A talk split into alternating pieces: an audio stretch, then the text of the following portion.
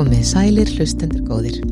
Ég heiti Hildur Óskarsdóttir og þú ert að hlusta á Konur í tækni, hlaðvarp Bertonett sem eru samtök hvenna í upplýsingatækna á Íslandi. Hér munum við deila sögum af konum í tækni, ræðum starfsferilinn sem þær hafa byggt upp, áskoranir sem þær hafa staðið frammefyrir og af hverju þær elska að vinna í kringum tækni. Í þessum þætti bjóð við velkomna Freyju Þórarinsdóttur. Freyja er stopnandi og framkvæmdastjóri Gemma Q en fyrirtæki hefur þróa hugbúna löst sem gerir notendum, fjárfestum og fyrirtækjum mögulegt að nálgast rauntíma upplýsingar um kynja hlutföll í leiðtóðstöðum á mörguðum og fjárfesta þannig beint í jafnbretti kynjana. Freyja sem er lögfræðingur, hagfræðingur og stjórnmálafræðingur að ment starfaði áður en kom að stopnin Gemma Q í fjármálageranum meðal annars hjá eignastýringu Bank of America, Merrill Lynch í Seattle og hjá Sælabanka Íslands í fimm ár síðarst sem fór stuðmaður í gjaldiris eftirleiti bankans. Freyja hlaut nýlega velun Nordic Women in Tech í floknum Rising Star of the Year en þar var hún valin úr hópi framúsgarandi kvenna sem starfa í upplýsingatækni á Norðurlöndunum. En Freyja hefur ekki engungu hlotið þessi velun, heldur fjöldamörg önnu velun og viðkenningar fyrir Gemma Q sem mjög spennandi verður að ræða frekar sem og þær leiðir sem hún hefur valið að fara á sínum náms og starfsfelli hinga til. En áður en ég ræði við Freyju vil ég minnast á styrtaraðila þáttarins, GECO. En GECO útvöða fyrirtækjum hæfileikarikt starfsfólk á sviði nýsköpunar og tækni og stiður það í gegnum allt ráðningaferlið. Ekki hika við hafa samband við GECO Þau eru til staða fyrir þig þegar þú þart á þeim að halda. Velkomin Freyja og takk helga fyrir að gefa þið tíma í sumafríðinu hérna á Íslandi til að setja sniðum með mér hérna í dag. Bara takk helga fyrir að bjóða mér heiltur. Hérna í þessum þáttum þá byrjum við nú yfirleitt á því að fara yfir bakgrunn uh, viðmælanda og, og ég vil endilega fá að vita fyrst svona hvaða áruðu þú ert fætt og, og hvað þú ólst upp. Já, ég er fætt í júli í 1980 og ólst upp í Vesturbænum í Kópavogi. Ég fór þar í, í Kárniskóla og, og síðan lág leiðin í, í Þingoskóla og, og, og mentaskólan í Kópavogi. Ok, og hérna, og hvað ertu nú að hugsa og hérna á þessum árum og stefna að svona þegar þú ert í MK? Já, það er nú áhugavert að segja frá því að sagt, ég ætlaði mér alltaf að vera læknir og fór þá sagt, eh, bæði á náttúrufræði og eðlisfræðabraut í, í mentaskóla og ætlaði sko virkilega að vera vel undirbúin fyrir læknisfræðina og það var svona, það er mikið um, um, um heilbreyði starfsfólki í, í minni fjölskyldu og, og móðu mín er, er hjókunarfræðingur og ljósmóður og og föður amma og afi voru bæði miklir frumkvölari í læknisvísundum. Þannig að þetta var svona svolítið þefnan á þeim tíma mm -hmm. og hérna svo bara, já. Fyrirmyndina voru, voru í, í læknisfræðinni? Já, svona svolítið á þeim tíma sko. Þannig að það var hérna, já, þannig að það var svona kannski svona helsta markmið þá og, og ég fór endur á mentaskóla árunum, þá fór ég sem AFS skiptinu mig til bandaríkjana og var þar í litlum smábæ við, við hérna, Mississippi ána í Æjóvaríki mm og, hérna, og þar var ég svona, já, um, kannski, já, svolítið að, að prófa mig áfram þar og, og fekk mikinn áhuga á bandaríkjanum og, og að svolítið að taka, svona dempa mér í menninguna og tók þátt í öllu þar. Mm öllum íþróttum og, og leiklistinni og, og tónlistinni og, og hérna Hvað varstu gömul þú fórst út sem skiptinni? Þá var ég 18 ára þannig að þetta var sem sagt 1998 mm -hmm. og þannig að þetta var svona já, interneti var svona verða að einhverju á þeim tíma og ég var nýkom með hotmail og, og hérna sem sagt svo var um, sem sagt fjölskylda mín sem að úti og þau voru ekki með heimilistölvu og AFS-reglunar voru nú svolítið strángar á þeim tíma það máttu bara ringja til Íslands einu sinni á mánuði þannig að þarna og, og auðvitað fyrir maður kannski pínu heim þrá og fyrir viki þá ákvæði að dempa mér svolítið í já, bara eins mikið og hægt var að, var að taka þátt í. Mm -hmm. Þannig að þarna, já. Finnst þér ekki svona, ég fór einmitt líka sem skiptinni mitt til Fraklands ég segi það ennþann daginn dag að þetta er svona í rauninni sá skóli sem að ég í rauninni kannski lærði mest af. Svona ef maður horfið tilbaka, þetta er svo þroskandi þetta, að fara svona í ár á þessum aldri, þetta er gríðarlega svona þroskandi og, og hérna mótarmann í rauninni fyrir lífstíð. Já, algjörlega og, og líka það einhvern veginn að uh, vera svolítið sveigjanlegur og kynnast einhverju allt öðru, bara eins og fjölskylda sem ég bjó hjá, alveg indisleg fjölskylda, en þau voru mjög trúið og fóru sem sagt tvísari viku í kirkju og ég meira segja endaði með því að, að uh, spila á píanóið fyrir sunnudagskólan, þannig að ég var bara tók þátt í þessu alveg fullum krafti. En, og þau voru líka miklu republikanar og, og ég var það ekki, þannig að við vorum svona ekki alveg, alveg sammóla með, með margt en, en, en enga síður hef ég haldið miklu sambandi við þau og, og, hérna, og bara einmitt hefur svolítið mótamann svona fyrir, fyrir lífstíð held ég. Mm -hmm. Og kemur, svo kemur aftur í, í, í klárar, sagt, kemur aftur tilbaka og klárar MK. Já, já. Hvað verður svo til þessa að þú ferði, er það ekki rétt hjá mér, í stjórnmálafræði? Já, það er reynda þannig að ég sem sagt byrjaði í lænsfræði og, hérna, og komst nú reyndar svona fljóta því að þetta átti ekki, átti ekki við mig og, og ég er nú svona kláraði nú svona samt þennan klásus og það gekk alveg ágætlega en, en, en samt þannig að, að ég komst ekki inn og fór þá að velta fyrir mér hvað ég ætti að gera hérna eftir áramót og, og ég var alveg ákveðin í því að mér langaði sko alls ekki að fara í, í klásusin aftur. En, en mér gekk svona vel í, í, í efnafræðinni og eðlisfræðinni og, og var eiginlega velta fyrir mér að fara í efnaverkfræði. Og, og það er sem sagt pappi minn og, og bróði minn eru verkfræðingar og það eru mitt svona verkfræðingar svolítið svona líka í, í fjölskyldinni. Þannig að ég svona, já þetta getur bara verið svolítið skemmtilegt og mér fannst svona gaman að tilraunum og, og efnafræði var alltaf svolítið upphaldi í mentaskóla. Þannig að það var svona svolítið markmiðið, nema hvað að, að þarna, það var ekki hægt að byrja á vorun í, í því fæi, þannig að ég ákvaða fara í, já ég fekk vinnu sem sett á, á félagsmiðstöð og taka nokkra kursa með. Og, og mamma mín hafi nú verið sem sett virki í, í pólitíkinni, í bæjastjórninni í, í Kópavogi. Og mér fannst svona, já, mikið áhuga á stjórnmálum og, og það var svona mikið rætt svona innan, innanlandsmálin við eldursporði heima og, og mér langaði bara svona svolítið að taka svona til gamans. Og síðan einhvern veginn bara ílengdist ég og þetta var, já, mjög, mjög skemmtilegt. Það er svona kannski, svona fyrsta sem kemur upp í hugan er að þetta voru mjög góðir og eftirminnilegi profesorar og, og hérna og bekkefélagar mikið, það var mjög skemmtilegt, það var mikið að fara út af lífið og, og vísindaferðinar voru um hverja helgi og, og hérna einhvern veginn ákveði bara að halda áfram. Þannig að þú klárar hérna uh, stjórnmálafræðina?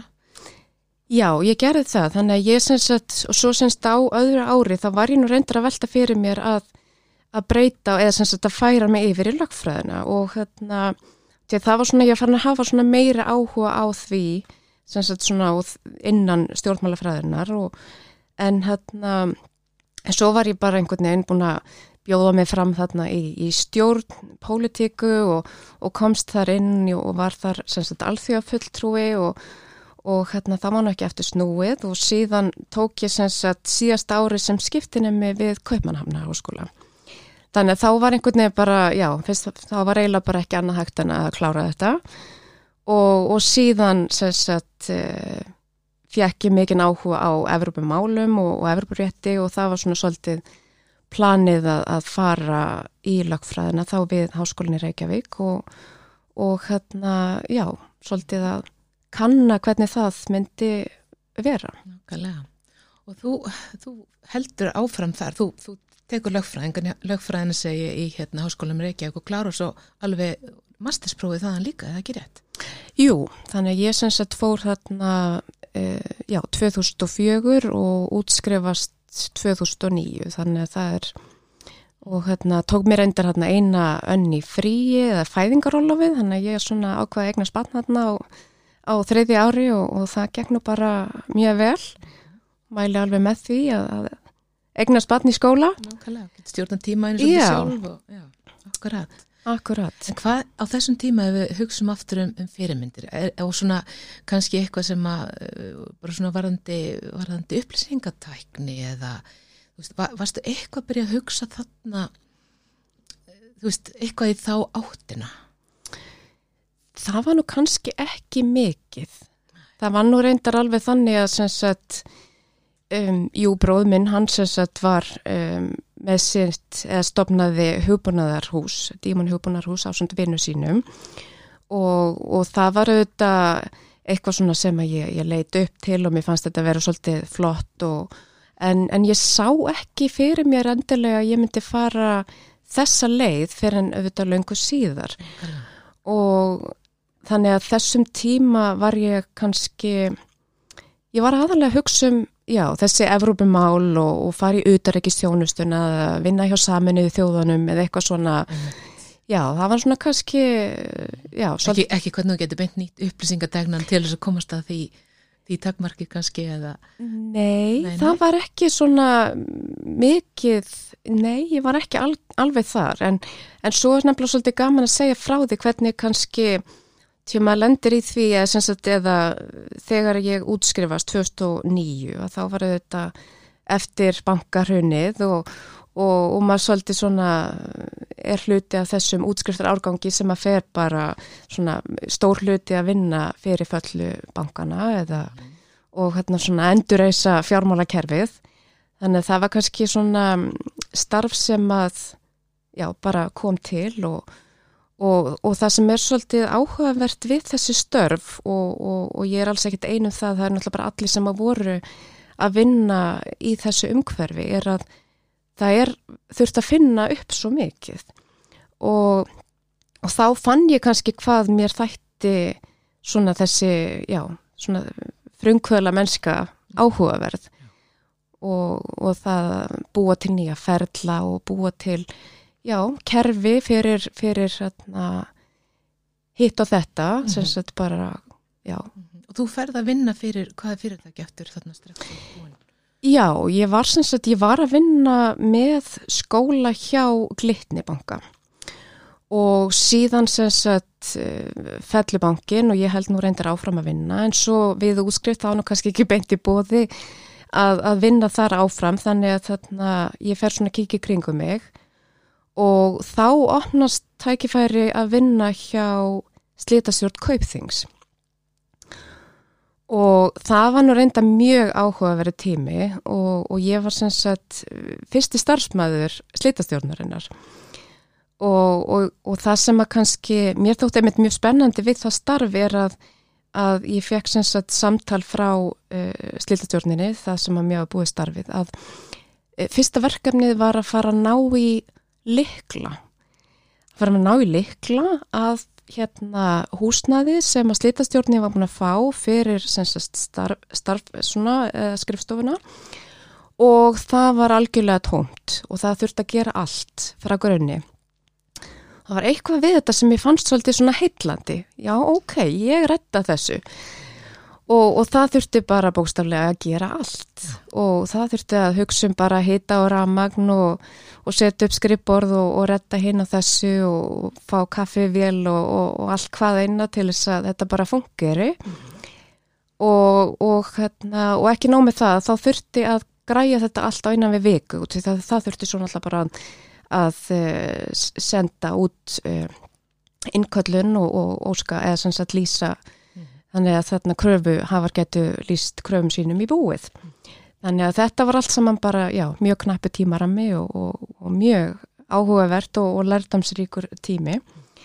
Og svo nú fljótlega var, var nú ráðun skrifstofstjóri sem þannig ég gæti nú farið í, í lagfræðistörfin eh, sem að kannski svona maður svona henduð kannski betur á þeim tíma. Þetta var virkilega áhugavert. Já, og lærtamsríkt öruglega að fara gegnum þetta. Já, það var það, en, en þetta var svona, já, það var svona kannski einhvern veginn fann ég hvað þetta hendaði mig vel, eða mér fannst gaman að vera að finna einhverja lausnir og, og, og hérna, já. frumkvöðlinn Já, þetta var eitthvað svona og líka það að eins og ég segja, það voru já, engin kerfi til staðar og það þurfti bara að, að hugsa allt uh, frá, frá byrjun þannig, mm. þannig að það var já, það var svolítið áhugavert Hvað ertu þá, hvað ertu lengið þarna hjá steytastjórninni? Ég var þarna í eitt og hálft ár Þannig að það var svona kannski um leið og þetta var orðið svona smá stöðuleika þá fann ég, ég var orðin svona kannski aðeins eh, fann að kíkja kringum mig um eitthvað svona frekari áskoranir Já. og hérna og þá um, sem sagt eh, var Sælabankin og með sem sagt eh, setja upp þá gældurisöftin eða þannig að það var svona tækifæri sem að ég sá og, og, og letaðist eftir og það var mjög áhugavert. Trúið því. Og þú ert hjá Sælambankunum alveg í, í fimm ár. Já, var þar í tæp fimm ár og, og hérna, var þar í sagt, undan þá deildinni og síðast var ég þá fórstöðmaður yfir þeirri deild og það var bara einmitt svolítið sami svona sami pakki eða svona þetta að búa til eitthvað algjörlega frá grunni og og, og það var reyn og veru ekki bara það að, að framkvæma þessi gældrisöft sem að voru auðvitað bundin við lög og heldur voru það líka þá að búa til þá innri ferla og sjá til þess að allt væri líka lögum samkvæmt og þetta eru auðvitað stjórnsýsla og, og bera að fara eftir lögum og þannig að það var alveg já, allir að, að svona vinna mikið og, og það var alveg gífilegt álag á, á þessari stopnun. Mm -hmm. Var þetta þá deil sem var ekki til áður? Já, akkurat. Þannig að hún var bara sagt, þegar það voru sagt, sett þá gældri söft og hérna, þá var bara búið til sérstakt, sérstakt deilt og til að byrja með þá var bara ein manneski að tvær og síðan bara, já, vattit upp á sig. Þannig að þegar ég byrjaði þá voru við átta kannski og síðan, já, síðan verður þetta einhverju tugi manns. Já, nákvæmlega. Og, þegar, og þú ert þarna hjá, hjá hérna selabankunum eins og ég sagði í, í fimm ár og, og, og það starfsæti sem þú varst með þarna síðast hjá þeim, þá varstu... Já, fórstumaður undan þá deildar. Undan þá deildar. Já. Já, nú kinga ég hérna kolli, ég myndi ekki sko geta aldrei vita hvað undan þá dild myndi gera, þú veist, hva, hvað gerur undan þá dild? Já, akkurat, þannig að það er semst að þannig að bara þegar að höftin voru sett á, að þá var bara svona fjármaksflæði að mestuleiti bannað milli Íslands og, og útla, útla, útlanda, eða, já. Já. þannig að þarna fyrir utan auðvitað bara vöru og þjónustu viðskipti, þannig að það sem að undan þá dildin gerði var að veita undan þá fyrir þá fjármaksflæði þá til og frá landinu og, og þetta voru alls konar mál og, og, margt sem að auðvitað almenningur kannski átt að segja ekkit á sem að þurfti að fara í gegnum okkur og við vorum svona kannski líka að búa til fordæmi eða svona að tryggja það að þetta hefði sem minnst áhrif á bara hinn almenna borgara.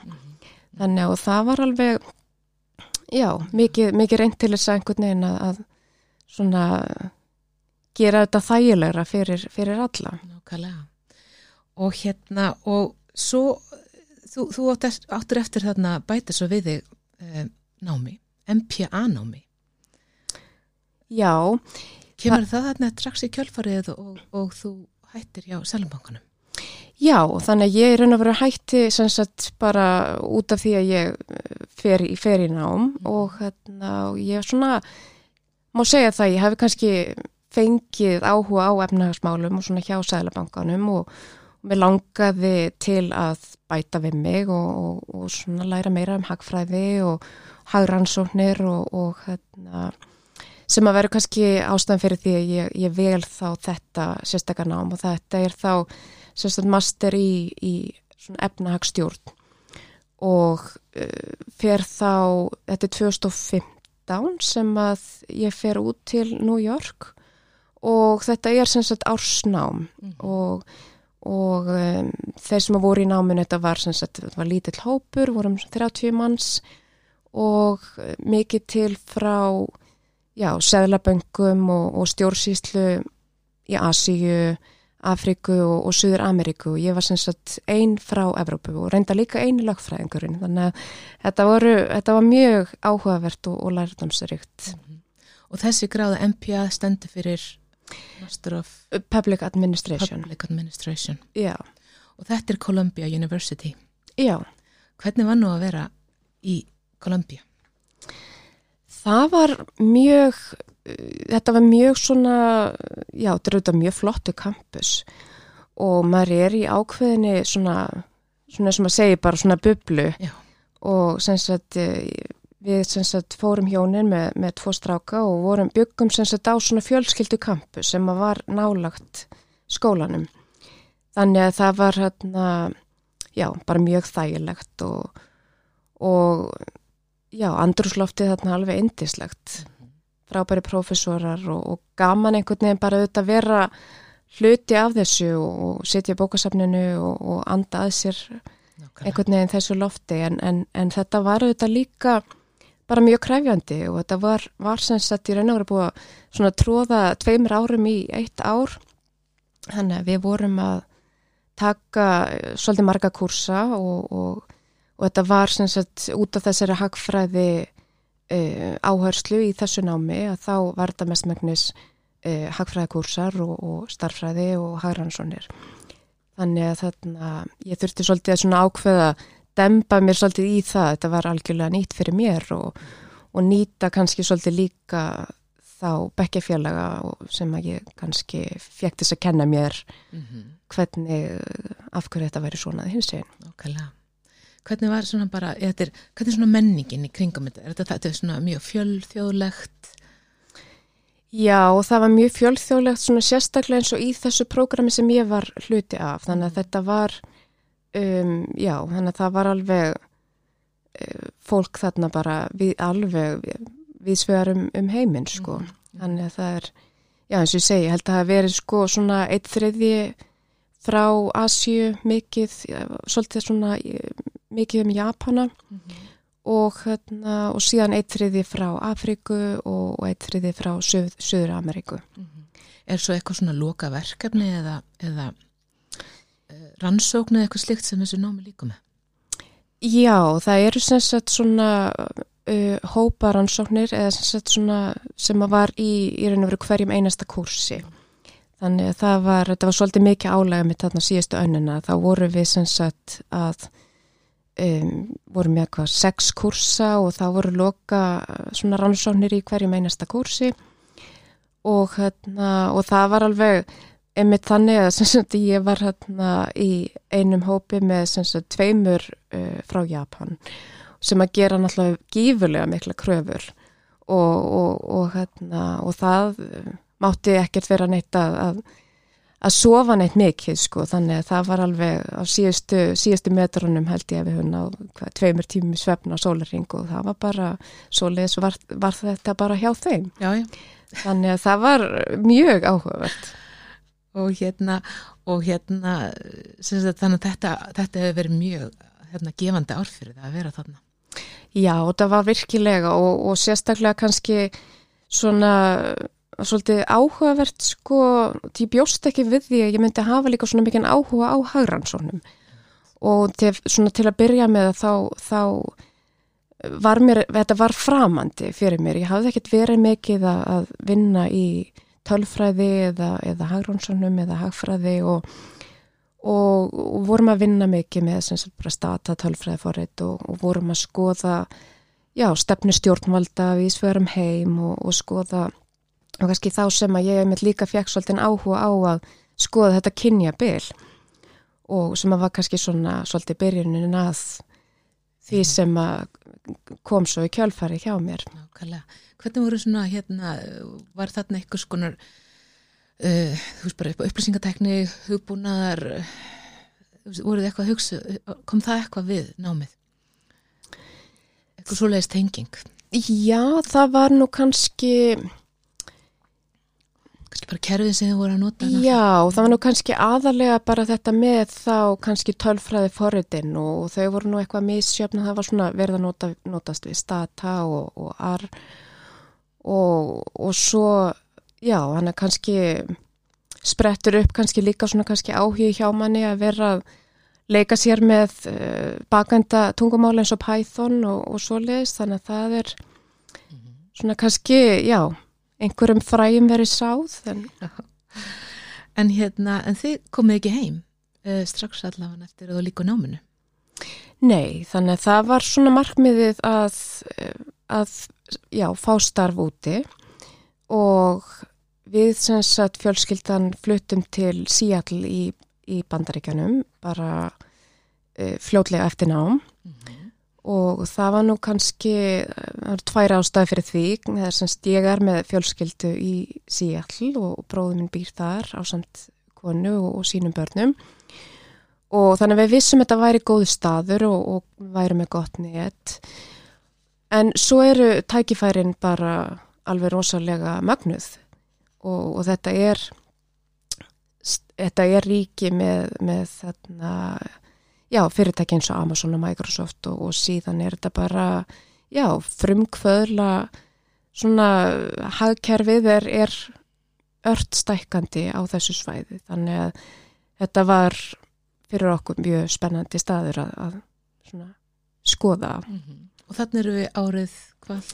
2016. 2016. Já, þannig að, og þá fæ ég sem sagt uh, vinnu þarna hjá Merlins og, og sem er hann á Svíallusvæðinu og það svona var til þess að við svona festumst svona, já, ákveðum að vera þarna áfram og sjá hvernig hvernig það myndi þróast og, og það var bara áhugaverð byrjun á, á Mm -hmm.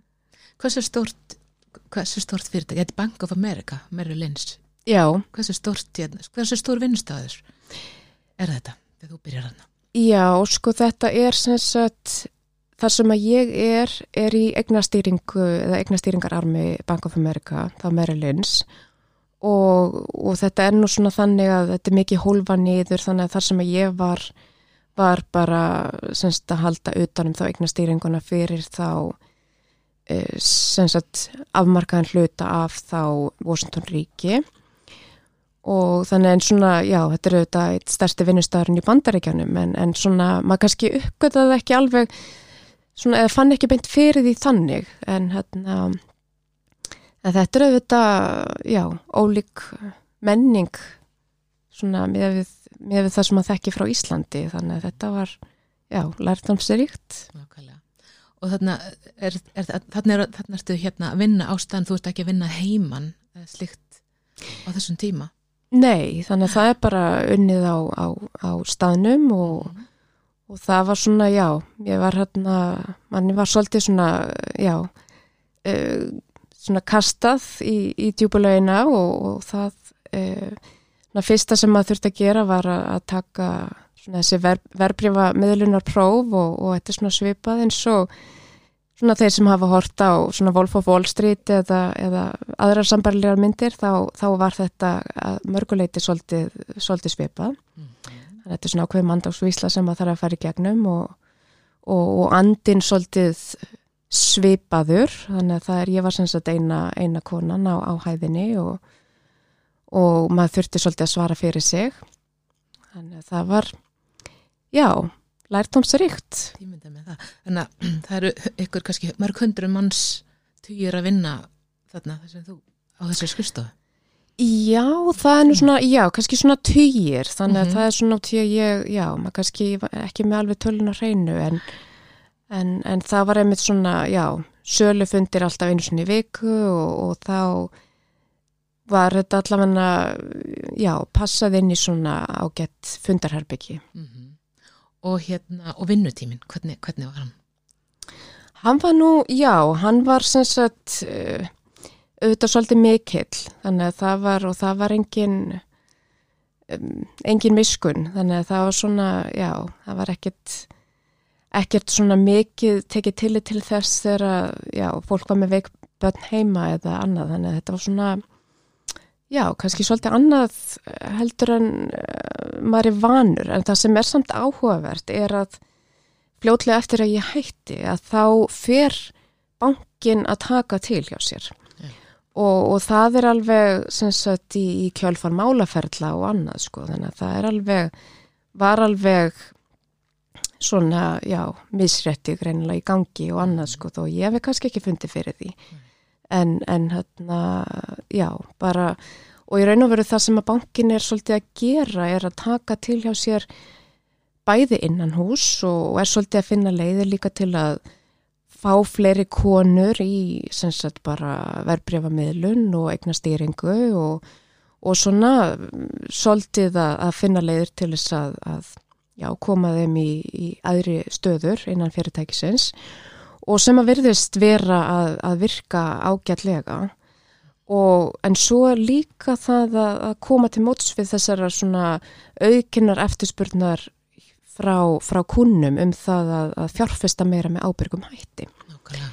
Þannig að það er svona kannski svolítið sem er að verða meira ábyrgandi þegar að ég um, er þarna. Mm -hmm. Er það að uh, maður finnur það að, að sem sagt, þetta er svo, þetta var svo gamaldags, þetta var svona, þetta varu svona eldri, kvítir karlar og, og svolítið svona búin að gera veist, sinna þessari vinnu með ákveðnum hætti bara í á, fleiri áratögi og, og, og síðan er bara að verða kynsluðabreiting og sem sagt bara þessi aldamóta kynslu, svona þessi millennials, að þetta er alveg já, 35% af bandarískum vinnumarkaði í dag mm. Og, og 90% þeirra vilja sagt, fjárfesta með ábyrgum hætti, vilja sem lífeyrisbarnar sé ekki bara gemdur einhvern veginn, heldur, heldur sé raunverulega sagt, þá í, í ábyrgum fjárfestingum bara eins og það í fyrirtækjum sem eru að, að sinna jafnrétti. Mm -hmm, mm -hmm. Uh, var, kom þarna upp hugmyndin að gemma kjúm? Já, já, um að segja það, þetta hafi líka verið að þróast frá því ég var við Kolumbíu, þannig að það var að það var í raun og veru hluti af einni eh, steinu verkefni þar var að, að skoða svolítið heimsmarkmiðin. Þau voru sagt, þá innlitana 2015 og, og þá var ég einmitt akkurat í náminu. Og, og það var einmitt hluti af einu verkefni þar var að skoða leiðir eða leggja til leiðir við að í raun og veru fyrir þjóðir að ná þessum markmiðum og, við máttum velja okkur einhver markmið og ég valdi hérna fymta markmiðið og um sem sagt þá jafnrétti kynjana mm -hmm. og, og þá í raun og veru fór ég svolítið að velta fyrir mér þessari svona vísitölu hugmynd og að það væri í raun og veru nöðsulegt fyrir þjóðuríki að, að vera með þá auðvitað upplýsingar, þetta skiptir máli að vera, varpa þessu fram og vera með mæl, mæla, mælitæki á þessu því annars getur við ekkert náð árangari ef að, ef að í raun og veru upplýsingarnir er ekki til stað. Eða eru faldar eitthvað starf. Akkurat. Mm -hmm. Þannig að það var kannski svona fyrsta svona, já, svona hvernig þetta þróaðist en, en það var ekkert, ekkert meira heldur en það á þeim tíma en svo þegar ég kem til Merlins að þá kannski átta ég mig betur á því hvað er að gerast að þetta er raunverulega þannig að fólk vill fjárfesta með þessum hætti, það vill fjárfesta í fyrirtækjum sem eru með jafn kynjarlautföll eða sem eru að sinna jafnbreytismálum og, og, og, og bara samfélaginu í heilt og hugsa um umhverfið og allt þetta. En það sem að vantaði er að það vantaði í raun og veru tóli eða leiðir fyrir þá fjárfesta eða bara já, að í raun og veru að fjárfesta með þessum hætti. Þannig að það gæti verið með þá, um, já, liði vel með það sem að það væri að, að uh, gera. Mm -hmm. Þannig að þarna, það var kannski, já, þannig að það, var svona kannski það sem ég fann fyrir, það var í raun og veru, já, svona þetta uh, það var þörf það var bara þörf fyrir þetta mm -hmm. og, og það voru að spretta upp sem sagt fullt af einhverju svona svo kallum kynja gleragnar sjóðum mm -hmm. og á þeim tíma og hérna og ég fekk svona smá þráhauki fyrir þessu og var að skoða sjóðina og hvaða upplýsingar væri þarna og, og hvaða fyrirtæki þetta væri og, og þá rækja augun í það að þetta var mikið tilbyggt á upplýsingum sem að voru gamlar, voru bara ársgamlar og ítla uppfærðar og, og svo leiðis og síðan líka þau fyrirtæki sem voru að baki þessum svo kallum kynjaglerguna sjóðum að þau voru ekkit endilega jafnbreytti sinnuð. Þannig að þetta var svolítið svona, já, mér fannst þetta að vera, það var verið að blekja almenning eða þá sem vildi fjárfesta. Þannig að það klárlega vantaði tól með það sem að væri áhersla á rauntíma upplýsingar og nákvæmar upplýsingar og það sem að væri gagnsægi. Mhm. Þannig að bara þeir sem er að fjárfesta bara almenningur á, á markaðinum gæti séð hvernig staðan væri hér og nú. Mm -hmm. Ég er umtíma. Já, Og, og, og hérna, og hva, ok, þú, þú, þú finnur þessi þörfið til staðar. einmitt. Hvað gerur þau? Já, þannig að þá í raun og veru fer ég svolítið, já, ég fer að, að sækja um styrki og ég svona, ok, ég, ég bara fer, ég var svona aðeins að sinna þessu bara svona samhliða og, og síðan þegar að kannski maður er komið næla mikið að styrkjum, þá ákvað ég bara að láta slagstanda og, og, og hætti í, í vinnu og, og fer bara fullum kraft í þetta. Var það ekki góð tilfinning? Jú, svona samt auðvitað, maður er svona svolítið smeykur auðvitað að Já. taka skrefið Mm -hmm.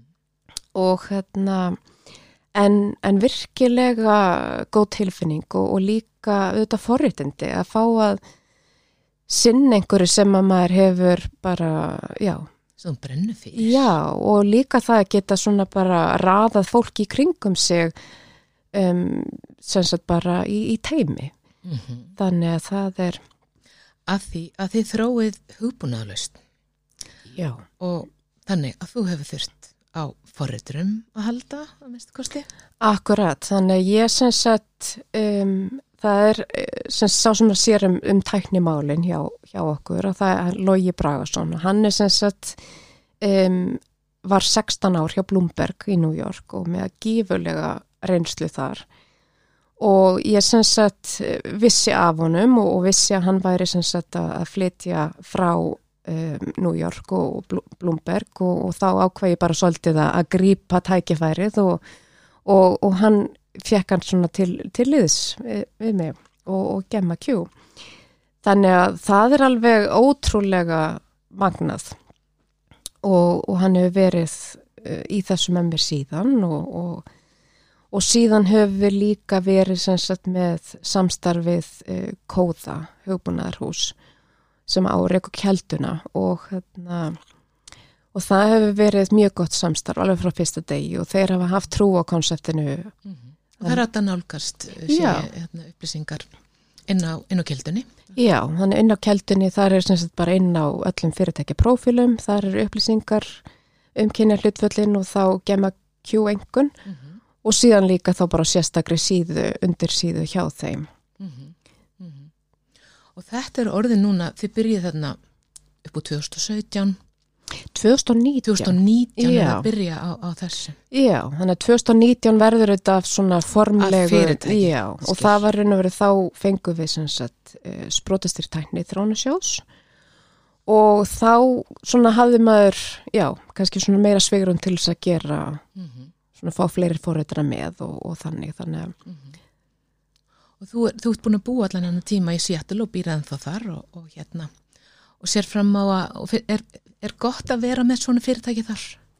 já, virkilega gott og, og markaðurinn er svo móttækilegur og, og það er einhvern veginn og ástæðan fyrir því líka að maður er að er þarna áfram, er út af þeim tækifærum sem eru akkurat þarna Mm -hmm. þannig að það eru þegar maður finnur mm, svona stundum eins og já, kannski íslensk fyrirtæki átta sig ekki á því hvað til dæmis eins og eignastýringar úti er að horfa á þessi mál bara eins og með jafnbrettismál og annað. Og hvað þetta skiptir miklu máli við mat á fjárfestingum og, og þetta eru já, eignastýringar sem eru hérna nálægt mér og, og hérna í síall en svo er líka bara umhverfið sem slíkt bara sprota umhverfið í, í síall er mjög vaksandi og já, Eru þið hérna, þið eru tvö starfsmenn fyrirtæki, eru þið, eru, eru þið fleiri jafnvel? já við erum sem sagt um, já, má segja svona þrjú til fjögur stöðgildi alveg fast. -hmm. Og erum að vaksa og erum nýkomið fyrsta fjármang frá Kráberi Kapital.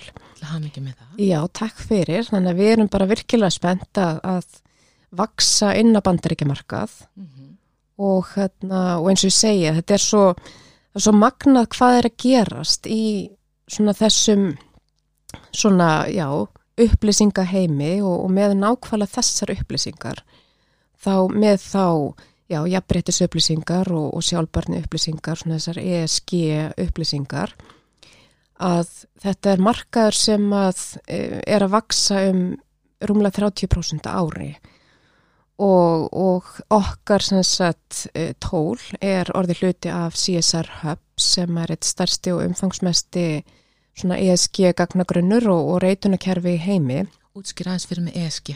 Hvað er það? Já, þá er það, það sem sagt um, umhverfis data, um, samfélags og, og stjórnunar uh, upplýsingar. Ok. Þannig að þarna og þar sem sagt eru jafnbreytis upplýsingar eru sem sagt hluti að því og því sem að svona gemma Q er er að vinna að. Mm -hmm. Þannig að það er hérna já, þannig að þetta er sem sagt orðið hluti af þá CSR hub og, og þar er raun og veru geta þeir sem eru áskrifendur þar nálgast um, upplýsingar um bandarískja markaðin og, og sagt íslenskaði markaðin jafnlega líka og sér það að þá gema kjúreitun á, á þeim fyrirtækjum. Þannig að þetta er alveg skiptir íslensk fyrirtæki máli. Þannig að þetta er svona, já, við fengið alveg gífurlega góð viðbröð Mm -hmm. við þessu. Þannig ykkar svona tekju módel ef þú getur kannski aðeins útskýrt það fyrir okkur. Já, þannig að það er í raun og veru þá þessar upplýsingar sem veru með og, og það eru þetta er mjög vermaðra upplýsingar og því við erum líka með, eh, leið, erum með rauntíma upplýsingar. Og síðan erum við þá líka með tól og, og erum að þróa þá svona plattform. Þannig að þetta er svona áskriftar um, grunnur Mm -hmm. Þannig að það er sem sagt, um, já, þannig að við erum með notendur sem eru sjóðir og lífri sjóðir og, og síðan erum við með fyrirtæki, maður að skráða markað og, og síðan hafa sem sagt líka, íslensk fyrirtæki hafa líka verið að kaupa notkunarleifi á kvarðanum sem slíkum og nýtt sér í, í markaslegum tilgangi. Þannig að það er svona áhugaverður svona, já, það var svona kannski ekki eh, hluti af svona um, planinu en, en mjög áhugavert hvernig það þróaðist og Já, en hvað hérna eins og maður, ef maður hugsa eins og í íslensk fyrirtæki og, og þá staðrenda það eru tvær konur í, í fórsturastóli af þeim fyrirtækjum sem eru já, hér á Íslandi hlutabyrja marka ertu, ertu, að, ertu að sjá, nú ertu búin að fylgjast með þessu í núna þennan tíma, ertu að sjá ykkur breytingar?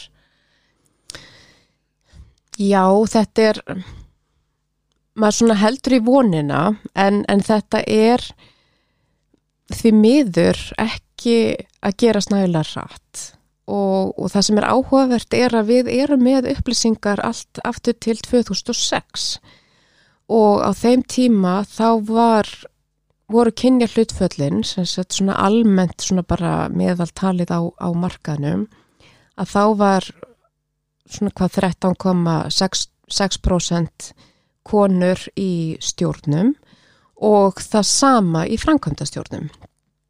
En síðan þróast þetta þannig auðvitað með kynjakvotum í, í stjórnir að, að þá jafnast hlutfallið og, og í dag er um 47% að meðaltali konur á íslensku markaði um, í Stjórnum. stjórnum sko, já, en í framkvæmdastjórnum er það meðaltali bara um 25%. Þannig að það er svona eitthvað sem að maður vonast til að, að breytist en, en sko maður er svolítið hrættur um að það þurfi að grípa til einhverja aðgerða til að, til að svona jafna þetta enn betur og auðvitað nágrannarlönd okkar og, og fleiri þjóðríki hafa gripið til þess að setja kynjakvóta á framkvæmdastjórnir. Já. Þannig að það eru auðvitað ein leið en, en maður svona vonast til þess að það þurfi ekki að, að grípa til þess. Nei.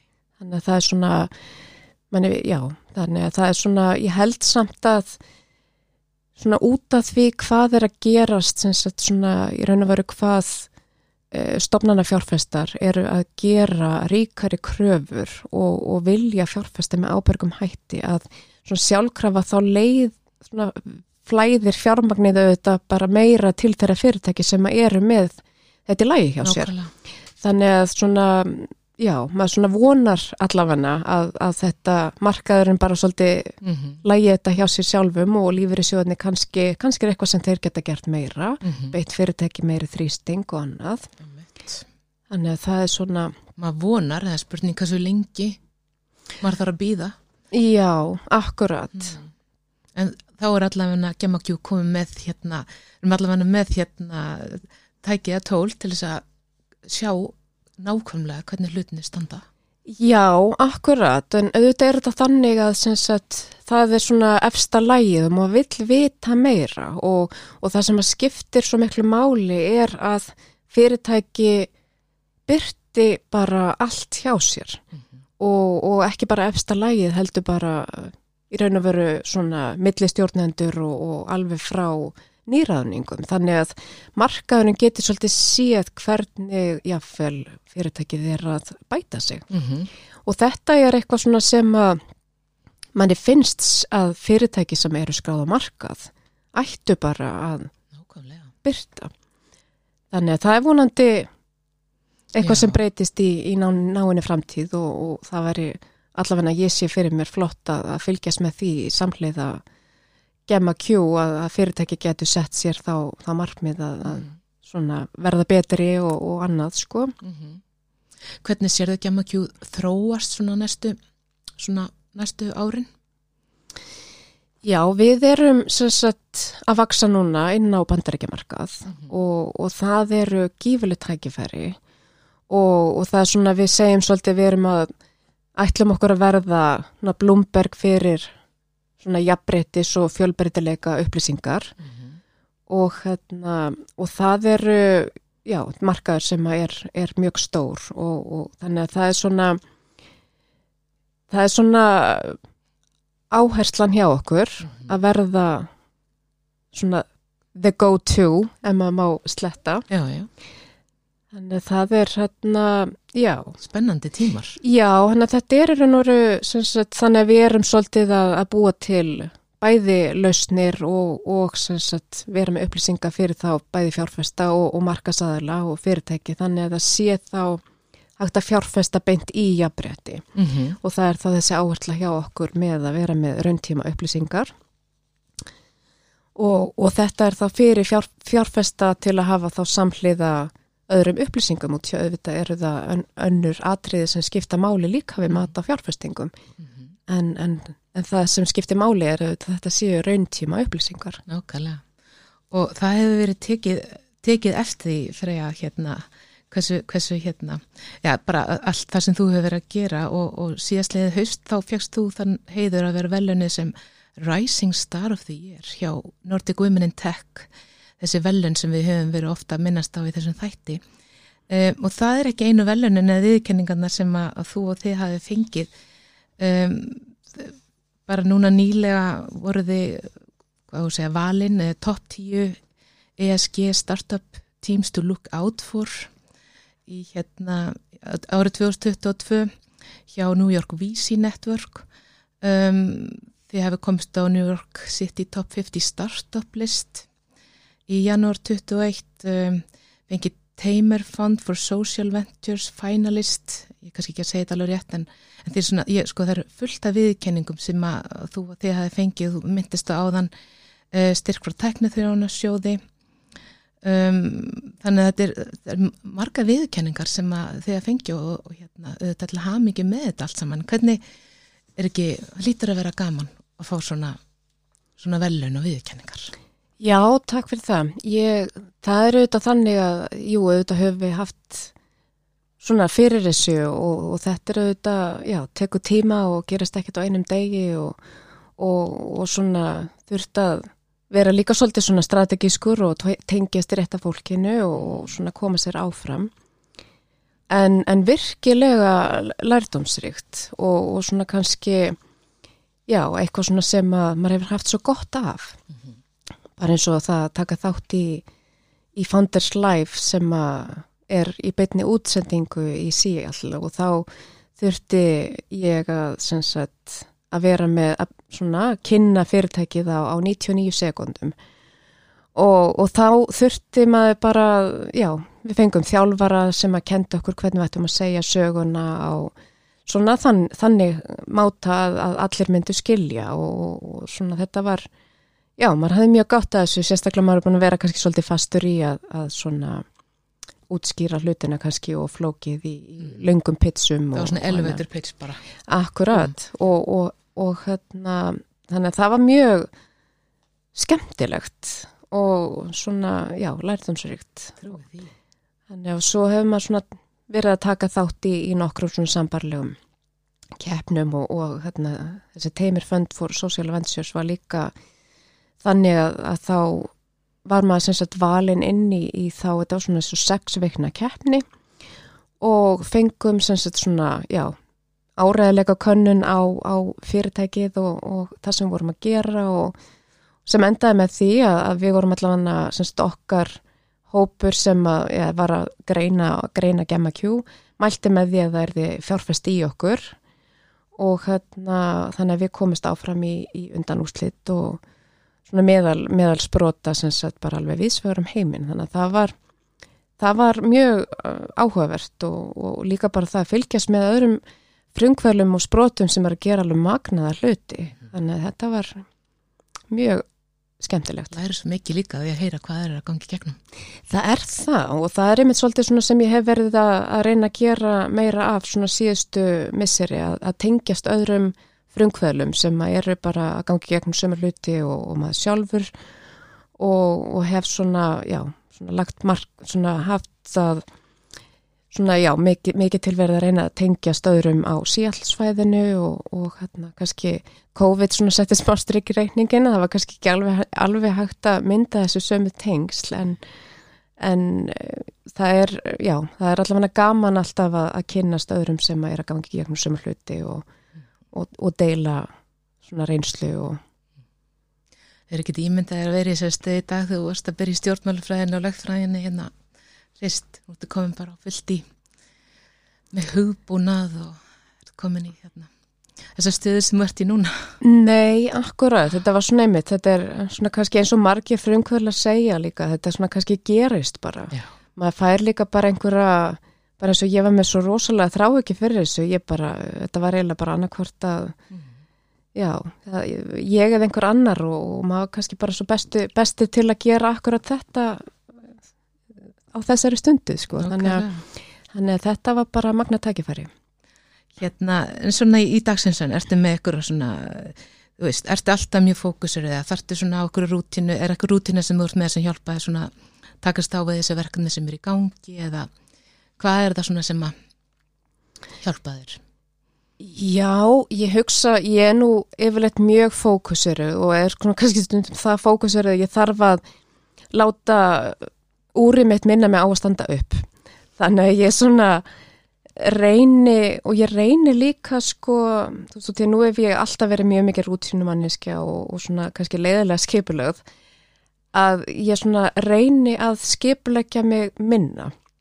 Þannig að þetta sé svona meiri sveigaleiki og og fara, veist, fara út og á ólíka staði og, og, og svona prófa eitthvað nýtt. Þannig að það er svona kannski þá sem að bestu hugmyndin að koma líka.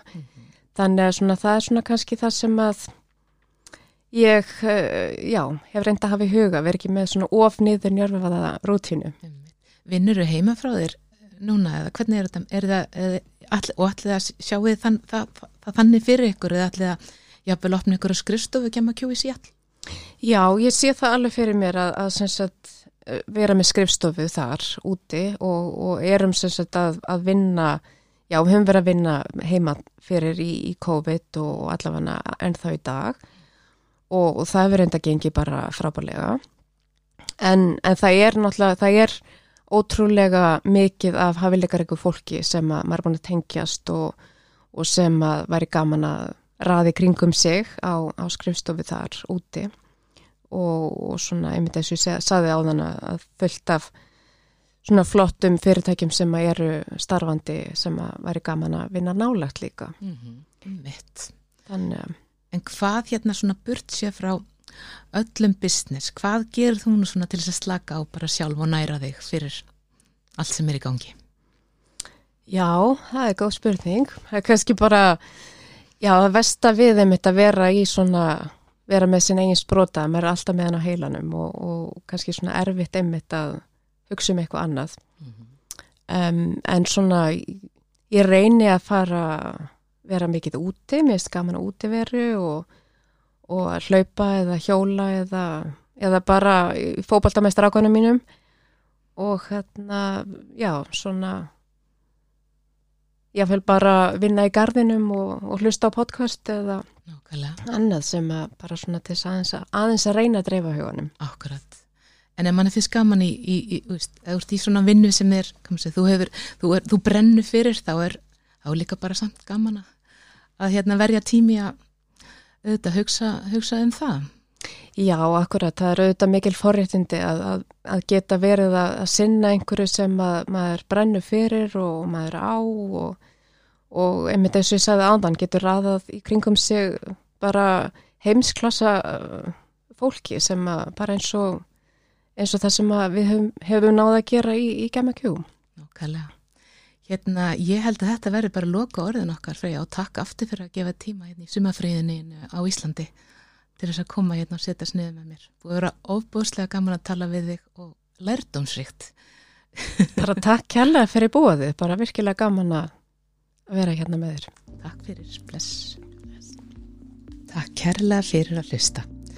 Ekki hika við að hafa samband við mig gegnum netfangi hildur at vertonet.is ef þú hefur einhverjar ábyrtingar eða spurningar en þú getur einnig fundið Vertonet á samfélagsmiðlum. Mér langar að vekja aðtegli á Nordic Women in Tech Awards en nú er verið að leita eftir tilnefningum til veluna sem verða aðfend í haust. Kynntu þér endilega máli nánar og tilnefndu konu í tækni fyrir 31. júli sem þér finnst skara fram úr. En þángat í næst, faru vel með þig, kæru hlustandi og njóttu sumasins.